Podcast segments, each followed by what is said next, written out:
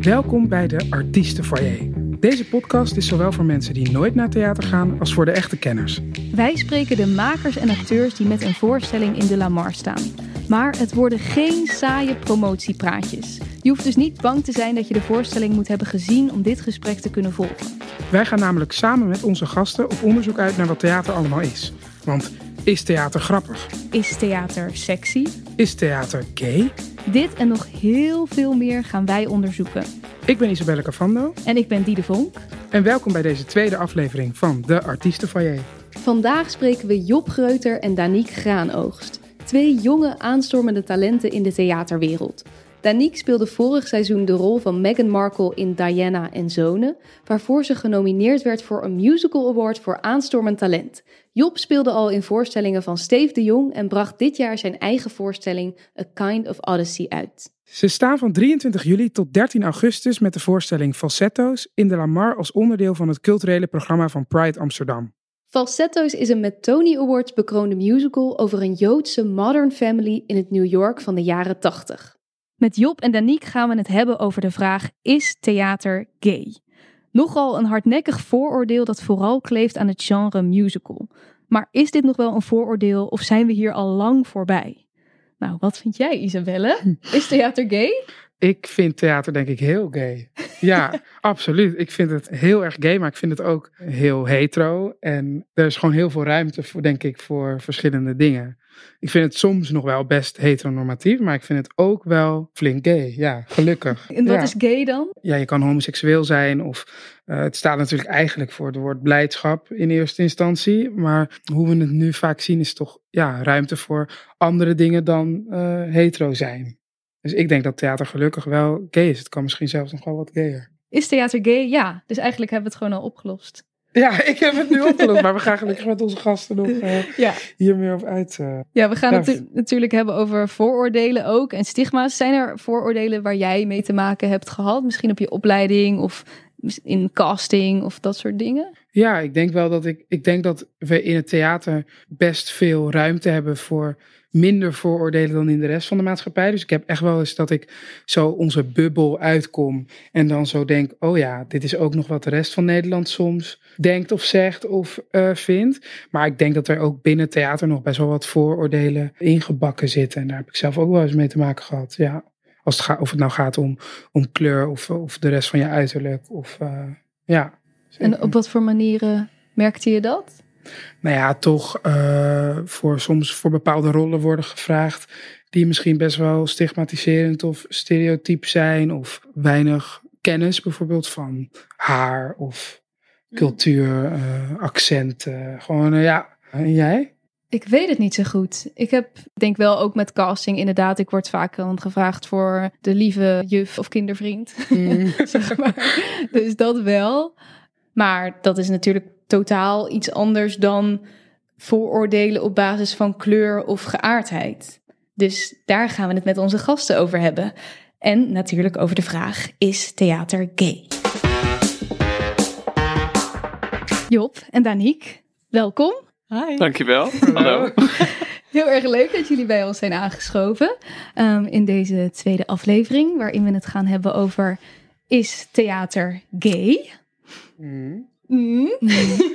nou, daar komen we zo meteen op. Laten we eerst iets rustiger beginnen Ja. eh, met de vraag: wat was voor jullie het moment dat je wist, ja, ik wil het theater in?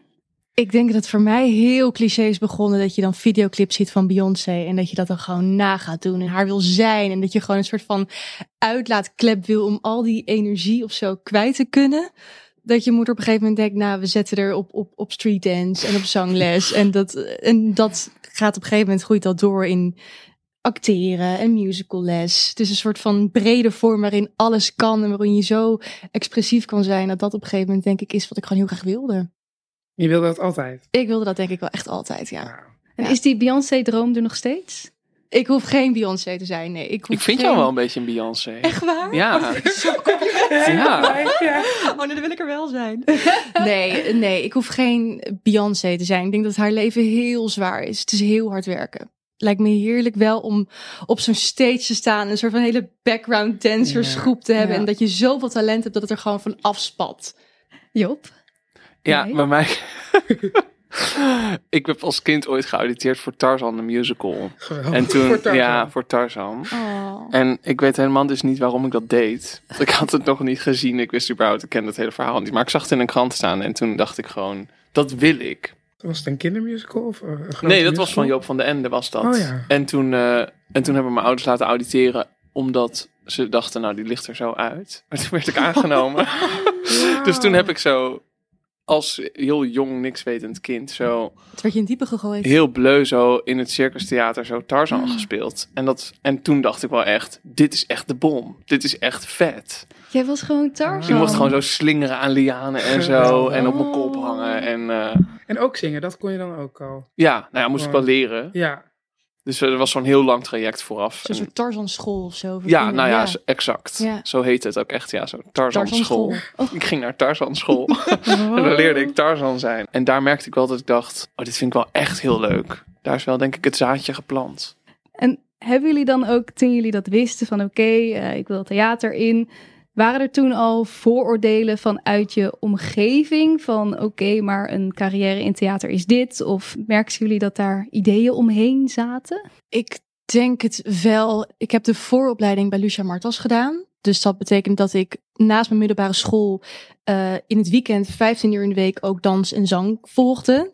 En op een gegeven moment zit je in, in 5 VWO, 6 VWO. En dan gaan de meesten gaan kijken naar universitaire studies. Maar ik wist, ik wil de dansacademie doen. En ondanks dat niemand het echt zo tegen me zei, dat is echt heel raar.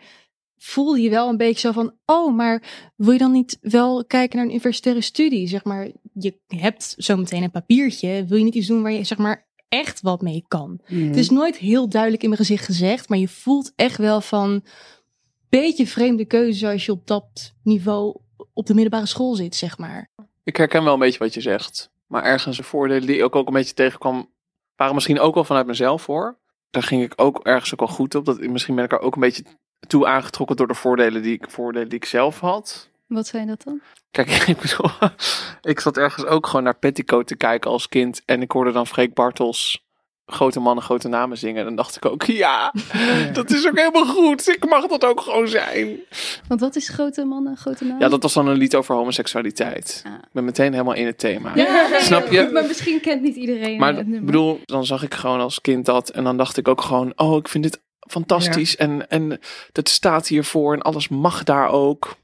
En dat vond ik ook wel heel mooi of zo daaraan. Je zag die vrijheid daar in zo'n nummer van Petticoat. Je zei al, daar mag dat allemaal. Voelde je dan dat op andere plekken dat niet mocht? Nou ja, het haakte wel precies in op mijn persoonlijke ontwikkeling. Ik was gewoon een homoseksueel jongetje in Amstelveen. Ik werd niet heel erg gepest of zo, een beetje, maar niet heel erg. Maar wel, ik was genoeg in een omgeving waar ik gewoon net, denk ik, net niet in paste om Mhm. dat wel te voelen. Ja. Hmm. En dan had ik zo mijn eigen, nou dan ging ik musicals luisteren. Ja. dan werd ik er helemaal gelukkig van en dan vond ik dat hartstikke gewoon heel mooi. Ja, maar hoe dus dat mooi is het ook van theater? Dat jij dan als homoseksueel jongetje in Amstelveen Ja, naar zo'n nummer van Freek Bartels kijkt en dan Ja. denkt, dat mag er zijn. Ja, en überhaupt, dat had dat? een impact. Ja. En niet alleen dat, maar gewoon musicals hadden echt een impact op mij altijd. Mhm. En als we het dan hebben over, is theater gay? Was dat het dan dus wel voor jou eigenlijk? Want het klinkt wel alsof het een soort toevluchtsoord was waar dat dan kon.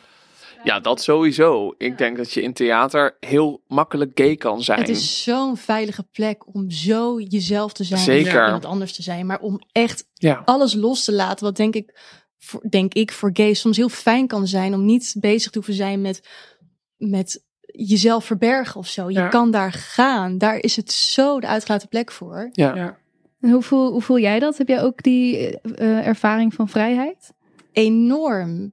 Ik denk ook dat ik daarom als kind zo ook hierin ben gegroeid. Omdat je dat daar allemaal kwijt kan.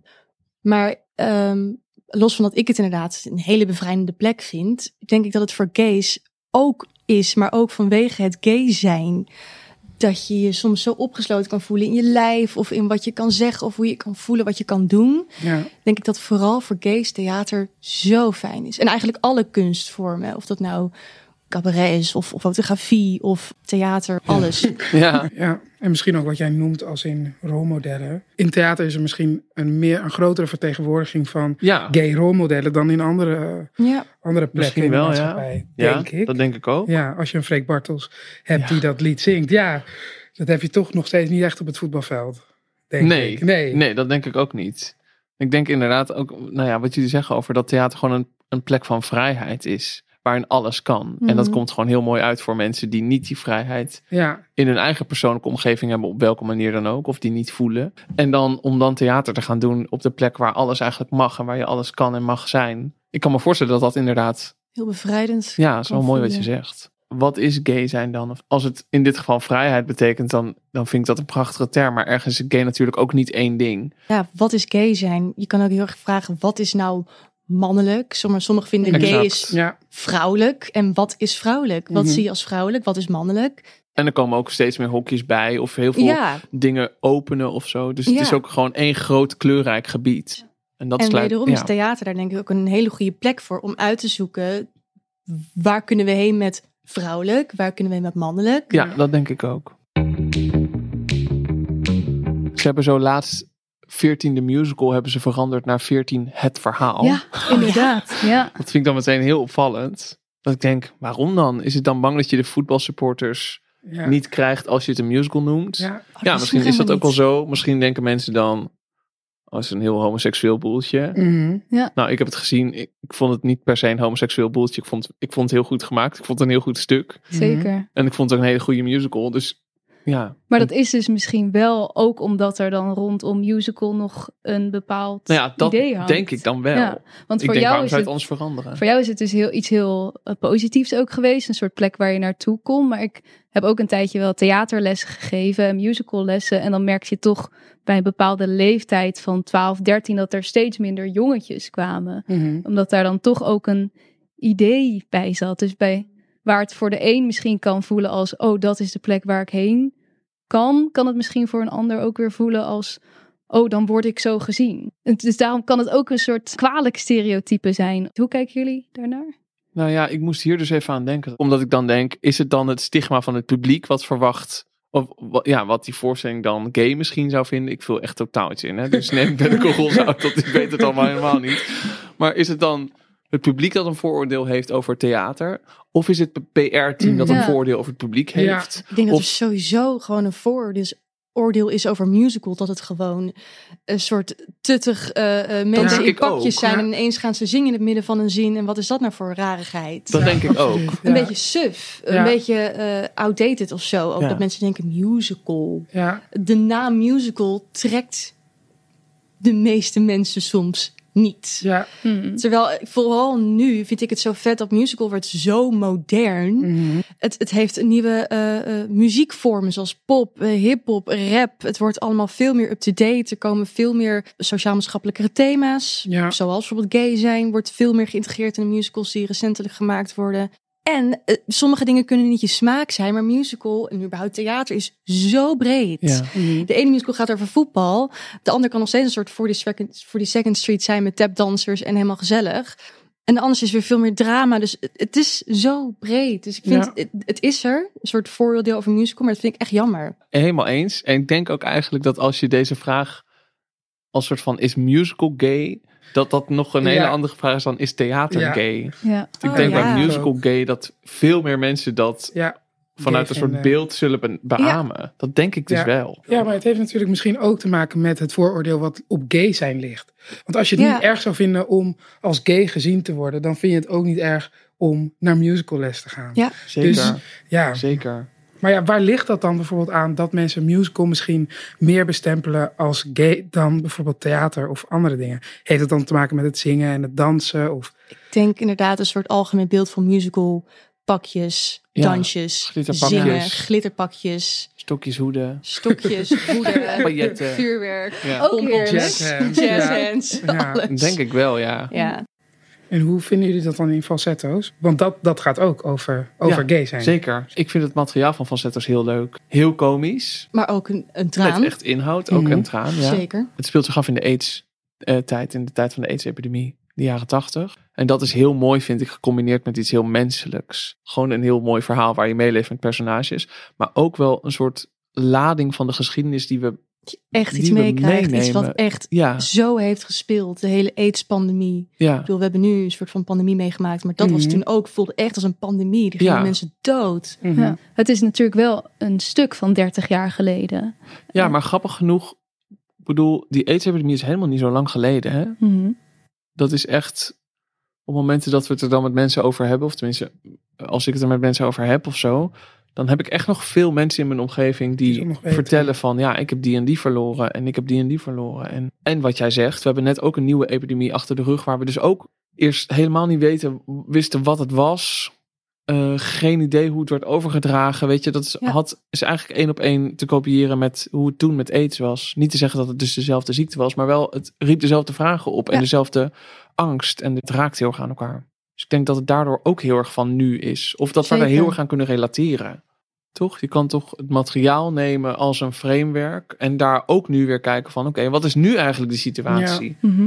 En we kunnen ook gewoon het verhaal spelen zoals het toen was. Of hoe het zich toen heeft afgespeeld. Maar we kunnen ook nu kijken naar wat zijn elementen van nu die we daarin mee kunnen nemen. Ja, Ja, en je kunt misschien als publiek ook kijken van hoe, hoe ziet het er nu uit? Dit Ja. was 30 jaar geleden. Is er veel veranderd? Of Ja. ja, ja. Iedereen haalt sowieso, als je naar een stuk kijkt, denk ik, eruit wat ze zelf eruit willen halen. Dus als het Ja. ook een stuk is over aantal jaren geleden, je, je ziet het en je erkent het met iets wat je nu in het leven ziet. Ofwel aids, ofwel eh, samengestelde gezinnen, waar de musical ook heel erg om gaat. Het heeft iets herkenbaars. Ja, want het hele stuk gaat eigenlijk in principe niet over homoseksualiteit alleen. Nee. Nee. Juist niet. Het gaat eigenlijk gewoon over menselijke relaties. Ik wil daar zo eh, nog meer over weten. Maar ik ben even tussendoor wel benieuwd of jullie misschien wel eens jullie carrières grote blunders hebben gemaakt. Gaan we.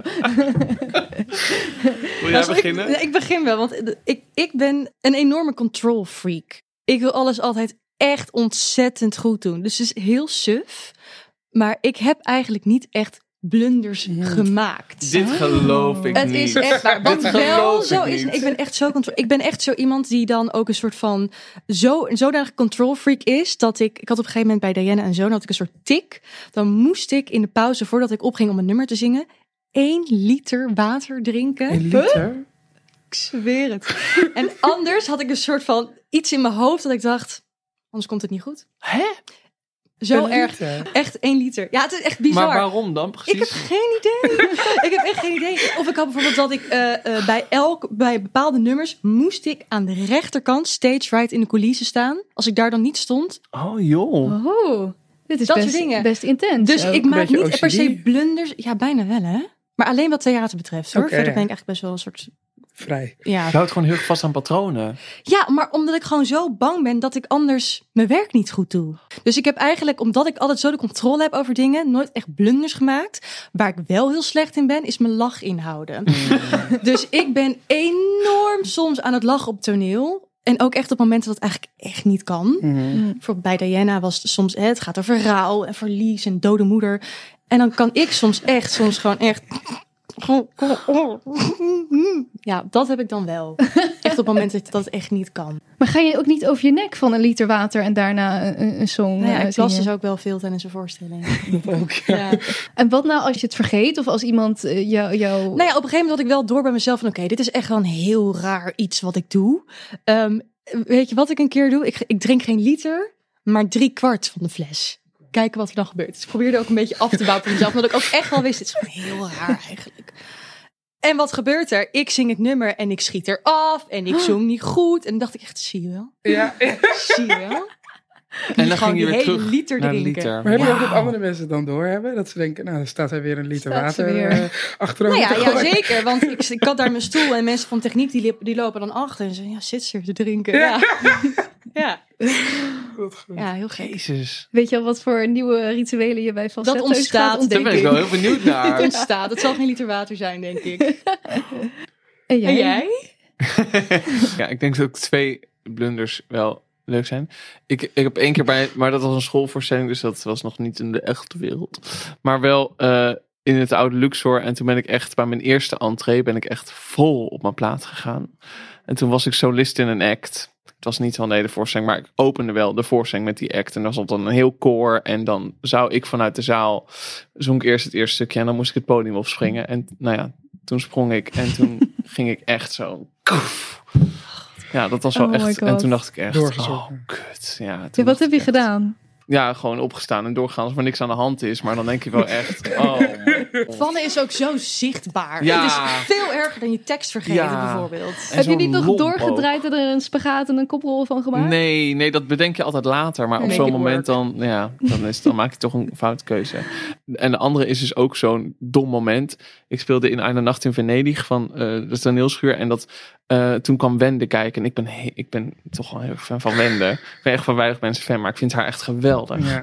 En zij kwam kijken en ze zat op de eerste rij. En ik flipte samen met Valentina, een collega van me. Wij zijn allebei helemaal zo. Dus wij zagen haar en toen dachten we, oh my god, oh my god, oh my god, oh god.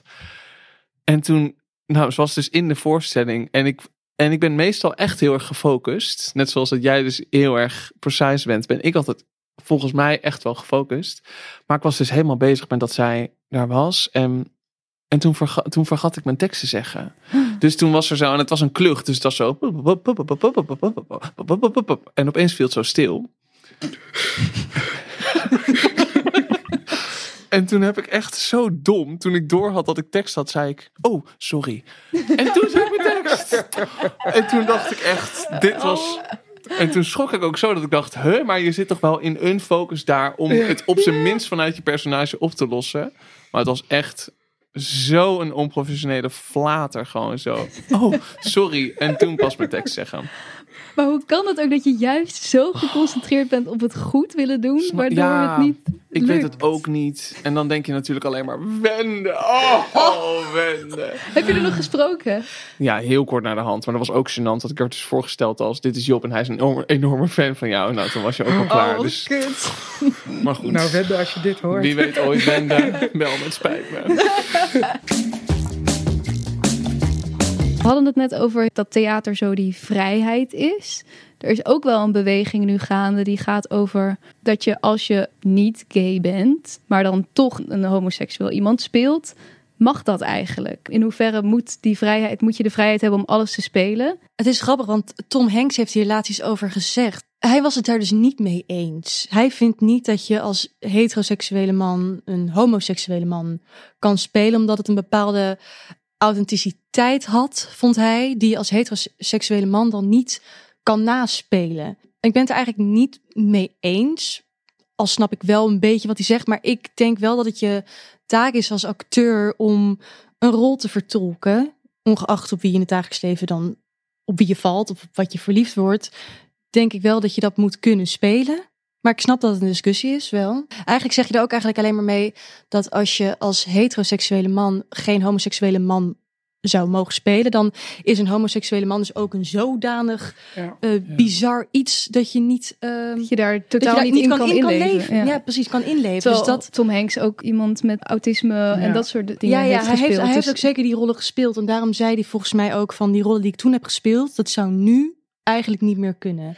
Gaat het dan misschien ook over dat juist mensen die bijvoorbeeld homoseksueel zijn, die rollen zouden kunnen spelen? Dus dat het niet zozeer gaat over of je het kan Ja. spelen, maar over de andere mensen in het werkveld die bijvoorbeeld geen rollen krijgen omdat ze gay zijn, Ja, Eh, ik die denk geen dat hij dat hetero-rollen bedoelt, krijgen. inderdaad.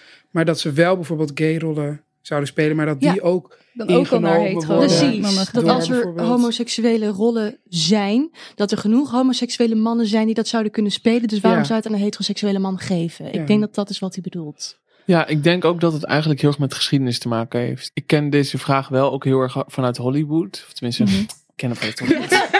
Kom je net vandaag? Nee. nee, maar daar is het wel een vraag. Ja. En daar komt hij volgens mij heel erg vandaan. Als dat daar in Hollywood heel lang homoseksuele rollen zijn gespeeld door heteroseksuele acteurs. Zodat mensen met de achterliggende gedachte eh, weten dat het nep is. Oh. Dat ze dus wel naar homoseksuelen kijken, maar dan denken. Maar het is een hetero hoor. Hij doet maar alsof. En dat het daarmee toch een hele lange tijd het op de afstand heeft gehouden. En dat het publiek er wel naar wilde kijken. Omdat ze dan dachten, het is niet echt. Snap je? Ja. Hmm. En dan daar valt wel iets recht te trekken. Net zoals dat er op andere gebieden in theater en in film dingen recht te trekken zijn qua representatie. Dus ik denk dat het heel erg te maken heeft met de context en met de geschiedenis ook. En ik denk dus hier in Nederland op dit moment, denk ik, volgens mij worden heel veel rollen in het theaterlandschap door homoseksuele mensen gespeeld. Zowel hetero rollen als homoseksuele rollen. Mhm. Ja. En volgens mij is daar niet per se, of ik zie echt iets over het hoofd, dat zou heel goed kunnen. En dan bijvoorbeeld excuus, maar Mhm. ik heb niet het gevoel alsof hier vanuit dat verleden zo'n grote ongelijkheid in Hier in Nederland is. heb ik het ook eigenlijk niet echt zo gemerkt. Nee, En heb jij bijvoorbeeld, want jij valt op mannen, heb jij dan bijvoorbeeld ook dat je vaker voor rollen gevraagd wordt? Voor bijvoorbeeld gay rollen gevraagd wordt? niet specifiek. Volgens mij is dit een van de eerste keren dat ik echt. Nou, de tweede keer misschien dat ik een expliciet homoseksueel personage speel. Dit is echt iemand die volledig eh, staat voor zijn homoseksualiteit. En daar een soort van al die, die hele cultuur wel in meeneemt. Ik vind dat wel bijzonder trouwens. Om als homoseksuele man dat te mogen Ja, spelen. Ja, En vooral om als homoseksuele man dat verhaal van die AIDS-epidemie te mogen vertellen. Omdat het dus mij persoonlijk raakt. Dit gaat echt over mij. Dit gaat echt over die generatie die echt verschrikkelijke dingen te verduren heeft gehad. Ook vooral politiek en nou ja, dus met die hele epidemie. Om te zorgen, die hebben eigenlijk ervoor gezorgd dat ik nu in vrijheid kan zijn wie ik wil zijn. En wie ik voel dat ik ben. ja. En hoe, hoe leef je je daarin in? Want het is een he- heftig thema. Ja, ik heb toen twee jaar geleden hebben we dus gerepeteerd. En in de aanloop daar naartoe heb ik heel veel boeken gekocht en heel veel documentaires gekeken. En gewoon zoveel mogelijk geprobeerd het menselijke verhaal te, daar zoveel mogelijk in te verplaatsen. Er zijn heel veel feiten. Maar die feiten worden op een gegeven moment, het zijn zulke grote getallen. En zulke, dat het een beetje zo, dat je, dat je er niet echt een beeld van krijgt. Dus op een gegeven moment vooral zo zoeken naar hoe hebben die mensen geleefd en wat kwamen ze tegen en hoe voelde dat dan ook? Ja, hoe voelde het nou concreet om aids te hebben? Wat kom je dan tegen? Waar liep je tegenaan? En dat was wel heel waardevol om dat te onderzoeken. Het was wel echt ook verschrikkelijk wat je allemaal las. Maar dus wel heel goed ook om in te duiken. En om dat dan proberen zo waarachtig mogelijk of in ieder geval zo eervol mogelijk te vertalen naar theater of zo. Zeg je heel mooi. Mooi, ja. Nou, dankjewel. Jullie zeggen ook allebei net van ja, je, ma- je, zou, ja, je bent acteur, dus je, je, je leeft je ook in. Net zoals jij hebt ook geen, neem ik aan, geen aids gehad, maar je gaat je daarin inlezen en Mhm. je verdiept je in een rol. Tot, ja, ik kan me ook voorstellen dat mensen zeggen, oké, waar ligt die grens Absoluut. dan? Want als je het hebt over bijvoorbeeld kleur, als je kijkt naar een stuk als A Color Purple, nou ja, dat zou misschien ook elke acteur zich kunnen inleven, maar dat, dat gaat over Exact. over kleur. Dus dat is heel Ja. raar als daar dan eh, een wit persoon zou staan. Dus waar ligt die grens dan van, ja, je kunt alles spelen. Nou ja, ik denk dus dat weer de geschiedenis daarbij een grote rol Ik speelt. denk vooral in het geval van kleur. Ja, als acteur moet je natuurlijk altijd kunnen inleven in wat voor situaties, in wat voor rol je situatie, eh, wat situatie je rol je ook begeeft, of bevindt. Maar in het geval van kleur is dat denk ik inderdaad echt iets uit de geschiedenis, wat gewoon nog rechtgetrokken moet worden. Eh, en ik denk dat dat is wat er nu moet gebeuren. En als dat denk ik ooit gelijk is, dan kan je meer gaan kijken naar, Mhm. je, iedereen kan zich in alles inleven.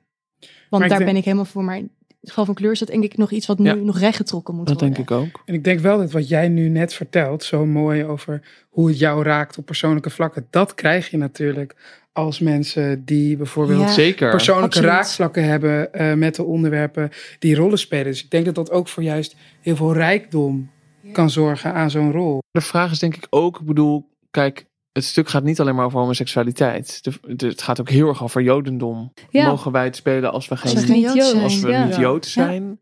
En eh, als je het helemaal doortrekt, ja, William speelt de rol van iemand die een vrouw heeft en een kind heeft en dan van die vrouw weggaat omdat hij erachter komt dat hij homoseksueel is en dan met een dus ja, in to, to which extent moet hij dan Ja. vader zijn, hetero Ja, zijn, precies, homoseksueel zijn, Joods Ja. zijn, weet je wel. Ja. De vraag is inderdaad, waar leg je dan die grens? Ja. En dat weet ik zelf eigenlijk ook niet zo goed hoor. Het heeft misschien ook te maken met eh, of het over bepaalde pijn gaat. Ja, Als in, als je een stuk speelt, misschien over de holocaust of iets dergelijks, dat is misschien dan ook weer anders, omdat je dan aanspraak doet op een bepaalde pijn die je misschien niet kent als je niet Joods bent. ja. En hebben jullie het er dan wel over in zo'n repetitieproces? Van, hé, hey, waarom is dit personage Joods? Of wat betekent dat? Ja, Of- we hebben wel toen een Joodse expert ook langs gehad. Die ons dus ook gewoon, nou ja, heel schools eh, Les heeft gegeven. les heeft gegeven eigenlijk. Dus daar werd wel tijd in gestoken en wel moeite. En wel inderdaad van zo'n directe bron ook heel serieus genomen. Dat wel. Maar wat ik ook grappig vind. Ik heb bijvoorbeeld ook wel eens gehad dat een vriend van mij zei. Ik wil eh, die rol niet spelen. Toen zagen we Kinky Boots en daar zat dan die rol in van de homo-hater, zeg maar. Mhm. Dat stuk gaat natuurlijk heel erg over je mag zijn wie je wil zijn. Mhm. Maar dat, in dat verhaal moet er dan ook even iemand zijn die zegt: Nee, je mag niet zijn wie je wil zijn. En dan gaan ze er tegen vechten. En dan na een tijd is het: Zie je wel, je mag toch zijn wie je wil zijn. Snap je? Ja. En dan heb je een mooi verhaal gehad. Weer spoilers. Ja, sorry. Dat is echt de allerslechtste vertaling van Kinky. Boots ooit. De stomste samenvatting. Oh, die Maar- mensen die draaien zich om. Ja, die eh. denken echt, hoe omschrijf je onze voorstelling? Maar, snap je? En toen was daar een, eh, een vriend van me die eh, homoseksueel is. En die zei, ik zou dus nooit zo'n rol willen spelen. De homo-hater, juist. Ja, en dat vond ik zo'n rare opmerking toen. Mhm. Omdat ik toen zei, we, maar waarom niet? Hij zei, ik wil daar gewoon niet voor staan. Dan zei ik, ja, maar in het stuk speel je. Je speelt toch theater? En dat hele stuk gaat toch over jezelf zijn? Dus wil Ja. je dan niet... Ik bedoel, je, Ja. je bent geen homo-hater. Maar dat raakte dus bij hem ook aan een soort persoonlijke pijn. Maar ja, als je dan een moordenaar speelt...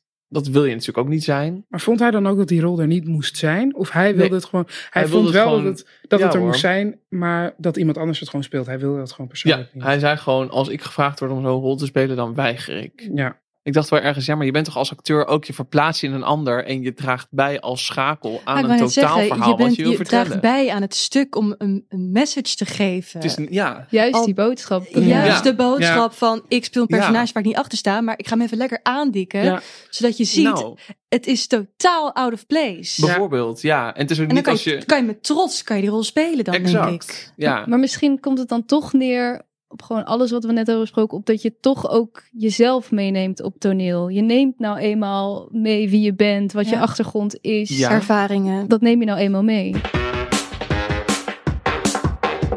Dan zijn we denk ik bij het laatste onderdeel aangekomen. De dilemma's. Moet het tegelijk zeggen? Ja. Oké. ik word helemaal. Ik ook, ik word helemaal zo. Nou komt het. Oké, oké. Toneel of musical? Musical. Musical. Repeteren of toeren? Repeteren. Repeteren. Je tekst vergeten of uit je broek scheuren tijdens een voorstelling? Tekst vergeten. Tekst vergeten. Nou, misschien wel uit een broek scheuren, maar het dan wel leuk oplossen. Het toneel op na tien koppen koffie of met een enorme kater? Oh, tien kop koffie. Ja hoor, ik ben al aardig onderweg. Ja, Ja? hoor. Ja, we doen wel koffie. Ik kan me niet voorstellen hoe dat per se nadelig... Nou, dan ga je misschien wel heel erg trillen, hè, na tien koppen koffie. Dat denk ik Tien wel. is wel Ik heb dat nog nooit hoor. Ik denk gedaan. dat, de noodzaak gewoon dan heel hoog ligt. Dat het een heel heftig stuk wordt. Nooit meer spelen of nooit meer zingen? Nooit meer spelen. Nooit meer zingen. Wow. Ja, maar dan wel musiceren. Ja. Maar gewoon niet met mijn stem. Maar zing jij niet ook gewoon buiten je werk gewoon als je loopt, als je aan het stofzuigen bent, als je onder de douche staat? Jawel, jawel. Dat is toch heerlijk? Mag je dan wel fluiten? Want dat doe ik Mm. bijvoorbeeld ook veel. Dus dan ga ik niet zingen, maar dan ga ik fluiten. Sorry, ik zoek toch naar ergens. Fluiten mag. Eh, een tegenspeler die altijd een slechte adem heeft of al- eh, die altijd scheten laat? Eh, die Hangt vanaf wat je diegene moet doen. Oh. Je hebt liever iemand die scheten laat? Nou, als, ik denk gewoon als het je tegenspeler is, dan heb je een dialoog. En heb ik liever iets wat bij diegene uit de achterkant komt dan uit de voorkant. Toch? Dan denk ik ik snap gewoon, stuur het maar naar achter en stuur de tekst maar naar mij. Nee, maar ik vind een slechte adem, dat vind ik echt zo Ja, dat stoort vies. meer. Ik heb denk ik ook liever iemand die een scheetje laat. Ja, je kan, Scheetjes hoeven niet altijd te stinken ook, hè? Ja, maar ik je heb kan ook pleiten niet zoveel scheten laten, toch? De slechte adem is er de hele tijd. Dat is ook zo. Hebben jullie het wel eens tegen een tegenspeler moeten zeggen? Van, ja, sorry, kan, kan je toch een, een kauwgompje nemen? Ik Of- gelukkig niet. Ik ook niet En eigenlijk. ik wil wel zeggen, ik vind wel dat die, die veiligheid er moet zijn. Ja, eens. Om dat te kunnen zeggen. Om dat wel te kunnen zeggen. Ja. Doen, ik denk dat ik dat lastig zou vinden hoor. Ja, snap ik. Ja, je gaat het merken, joh. Hoe zeg je lief? ja. Ja, gewoon een soort breng een sandwich. inleiding om het eh, te kunnen Ja, gewoon een soort sandwich methode, denk ik. Zo van, hey, Ik vind je echt heel leuke lief. kleren Ja. aan. Je stinkt uit je mond, maar ik vind je wel echt gezellig. Ja, of gewoon heel vaak kauwgom aanbieden, totdat die persoon misschien denkt... Dat is wel een Ja. goeie. Gewoon zelf nemen en dan, wil je ook? Alleen nog maar naakt spelen? Of alleen nog maar saaie rollen spelen? Nou, ik, ik vind naakt wel mooi.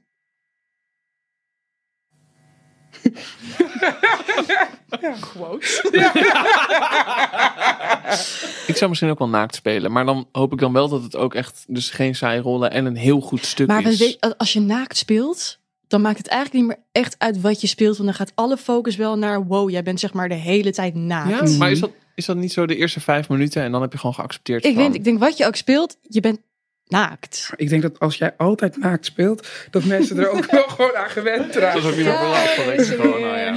Daar is dan niet weer, ja, ze speelt ja, naakt. ze is naakt. Ja. Ja joh, we doen lekker naakt. We doen naakt. Leuk, Let's zin go. Ja. Liever een kleedkamer met een eigen badkamer of met een berg snacks? Snacks. Ja, ik ook. En wat voor snacks zijn het dan? Snoep. Oeh. Ik eet heel veel snoep. Ja? Echt zo winegums en zo? Alles. Oh, ja. Gewoon zoet, chemisch. Ik ga toch voor hartig. S'avonds dan. Maar ook wel een koelkast met een soort van drankjes. Een biertje of een rosé biertje of een Mm. flesje wijn. Een lekker borrelplankje. Ja, en, Een kaasflankje. Kaas, kaasstengels. Nou, als wij nou bij elkaar gaan zitten, dan, hebben we de zorgen zoet wij en daarvoor, hartig. ja. En dan kunnen we gewoon naar wanneer Ja. wat we willen. Doen we, echt. Oké, de allerlaatste. Nooit meer naar theater of nooit meer seks? Ja, dit hoorde ik toen ook Ja, al. ik Toen heb dacht deze ik ook ook. al gehoord. Ik kan daar geen antwoord op geven. Nee, ik ook niet. Theater is gewoon je, je, je passie, zeg maar. Daar, daar, daar, dat is je uitlaatklep. Hoe kan je daar zonder? Ja, maar seks is ook passie en een Seks uitlaatklep. hoort Dus bij is het ook leven. waar. Dat is ook, dat is ook een, een, een- Wat zouden jullie hierop zeggen trouwens? Ik denk, oeh. Nou, weet je, dan zeg ik voor de podcast, omdat we het hier over theater hebben, zeg ik nooit meer seks. Maar dan ga ik gewoon stiekem toch wel heel veel seks hebben. Ja. Oh ja, wie gaat het controleren? Ja, daarom. Nou. Zoek het uit. Oh, jij komt aan de deur kloppen. Ja. Zeg hallo. Hallo, heb je afgesproken? Dit had je beloofd. Wat doe je nou? Podcast is heilig. Oh, nice. Hebben we toch een antwoord. Mhm. Fijn, fijn. Maar hou me er niet aan. Ik vind mijn vriend ook niet leuk.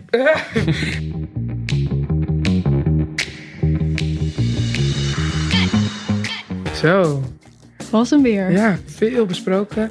Echt Daniek en Job een beetje leren kennen over deze thema's. want het zijn best wel, nou, soms lastige thema's, vind ik. En ik vond het heel fijn dat, dat het hier ook gewoon was van, ja, we, we weten ook misschien niet de oplossing, Nee. maar het is een gesprek. Ja, we denken er wel over na, we kunnen het over hebben. Ja, Ja. dat vond ik ook goed. Dat is belangrijk, denk ik. Dus is theater gay? Ja, ik denk dat we het er met z'n vieren toch wel over eens waren. Dat, het, eh, dat theater zeker gay kan zijn en dat dat ook niet verkeerd is. Maar dat er ook wel heel veel vormen van theater zijn. Ja, dat dat vooroordeel van dat theater gay is misschien niet altijd op zijn plek is. Nee, dat dat inderdaad bij musical dan vaak ook een soort negatief beeld kan vormen. Dat Ja. je daarom maar het een verhaal noemt in plaats van een musical. Ja, dat, het gaat natuurlijk over dat mensen gay zijn vervelend vinden. In plaats van dat, dat ze musical vervelend vinden dan.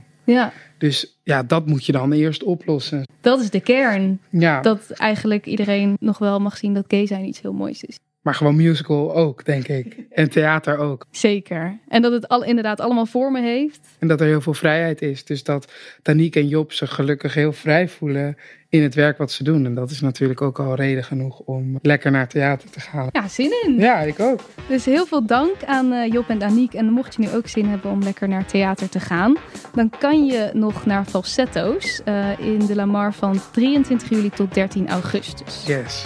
En als je dit een leuke aflevering vond, vergeet dan niet te abonneren, Te volgen, eh, te delen. alles. Alles.